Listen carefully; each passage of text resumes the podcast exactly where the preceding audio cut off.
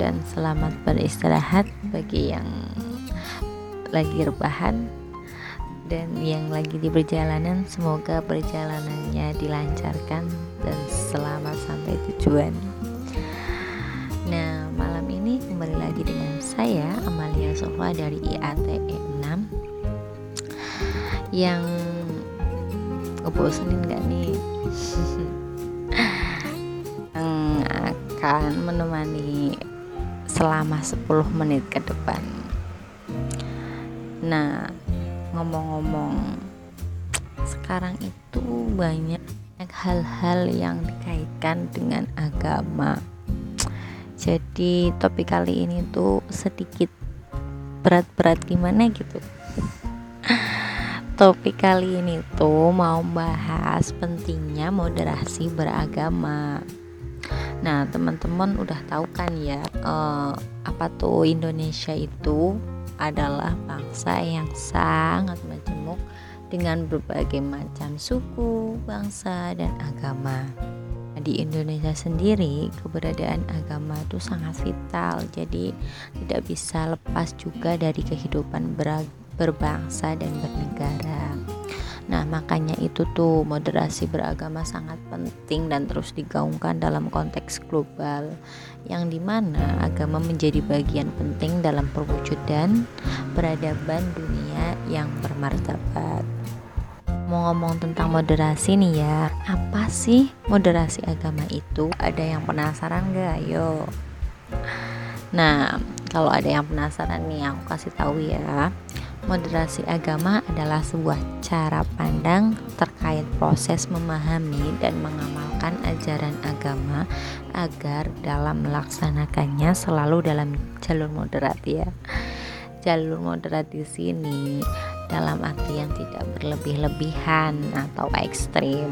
Yang dimaksudkan moderasi yang di sini itu moderasi adalah cara beragama, bukan agama itu sendiri karena agama kan udah sempurna tuh. Datangnya dari Allah yang maha sempurna. Jadi nggak mungkin kan ya kalau agama kalau agama itu nggak sempurna. Nah cara setiap orang dalam memahami dan mengamalkan ajaran agama itu kan memiliki perbedaan ya. Jadi hal ini tuh diakibatkan karena keterbatasan manusia dalam menafsirkan pesan-pesan agama.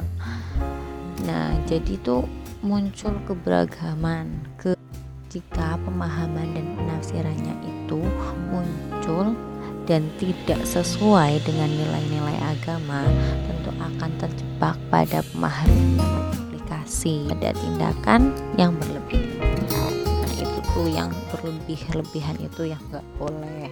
Ini nih yang dinamakan sebagai beragama yang ekstrim.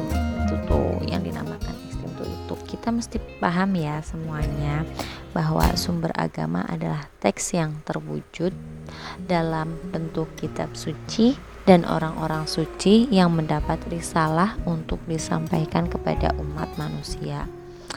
Secara ringkasnya tuh kitab-kitab Allah yang diturunkan kepada Rasul dan Nabi Allah yang telah Allah berikan wahyu.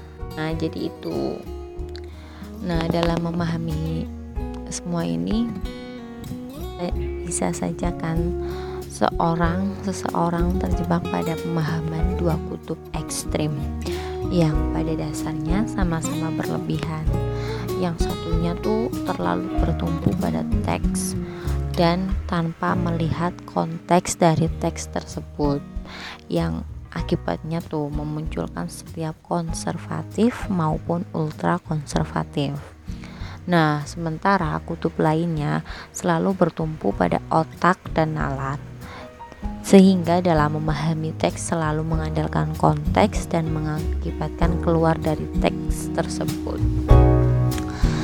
Nah, kutub inilah yang memunculkan pemahaman liberal dan ultra ultra liberal. Dua kutub lebih-lebihan ini sama-sama mengancam kehidupan beragama dalam hal mewujudkan peradaban dunia. Nah, dua kutub ekstrim ini terus berjalan berjalan berjalan dinamis ya.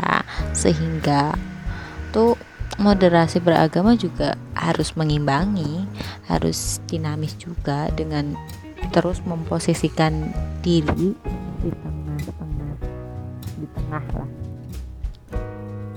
Nah ciri moderasi ada dua hal yang menjadi prinsip ya prinsip dan ciri moderasi beragama yang pada hakikatnya merupakan ajaran agama itu sendiri sih sebenarnya. Pertama adalah adil yakni harus melihat secara adil dua kutub yang ada dan kedua adalah berimbang dalam melihat persoalan yang ada. Artinya tuh memahami teks harus sesuai dengan konteks. Memahami konteks harus sesuai dengan teks. Jadi nggak boleh asal-asalan ya nggak boleh. Harus sesuai pokoknya. Sesuai jalur. Ya begitulah.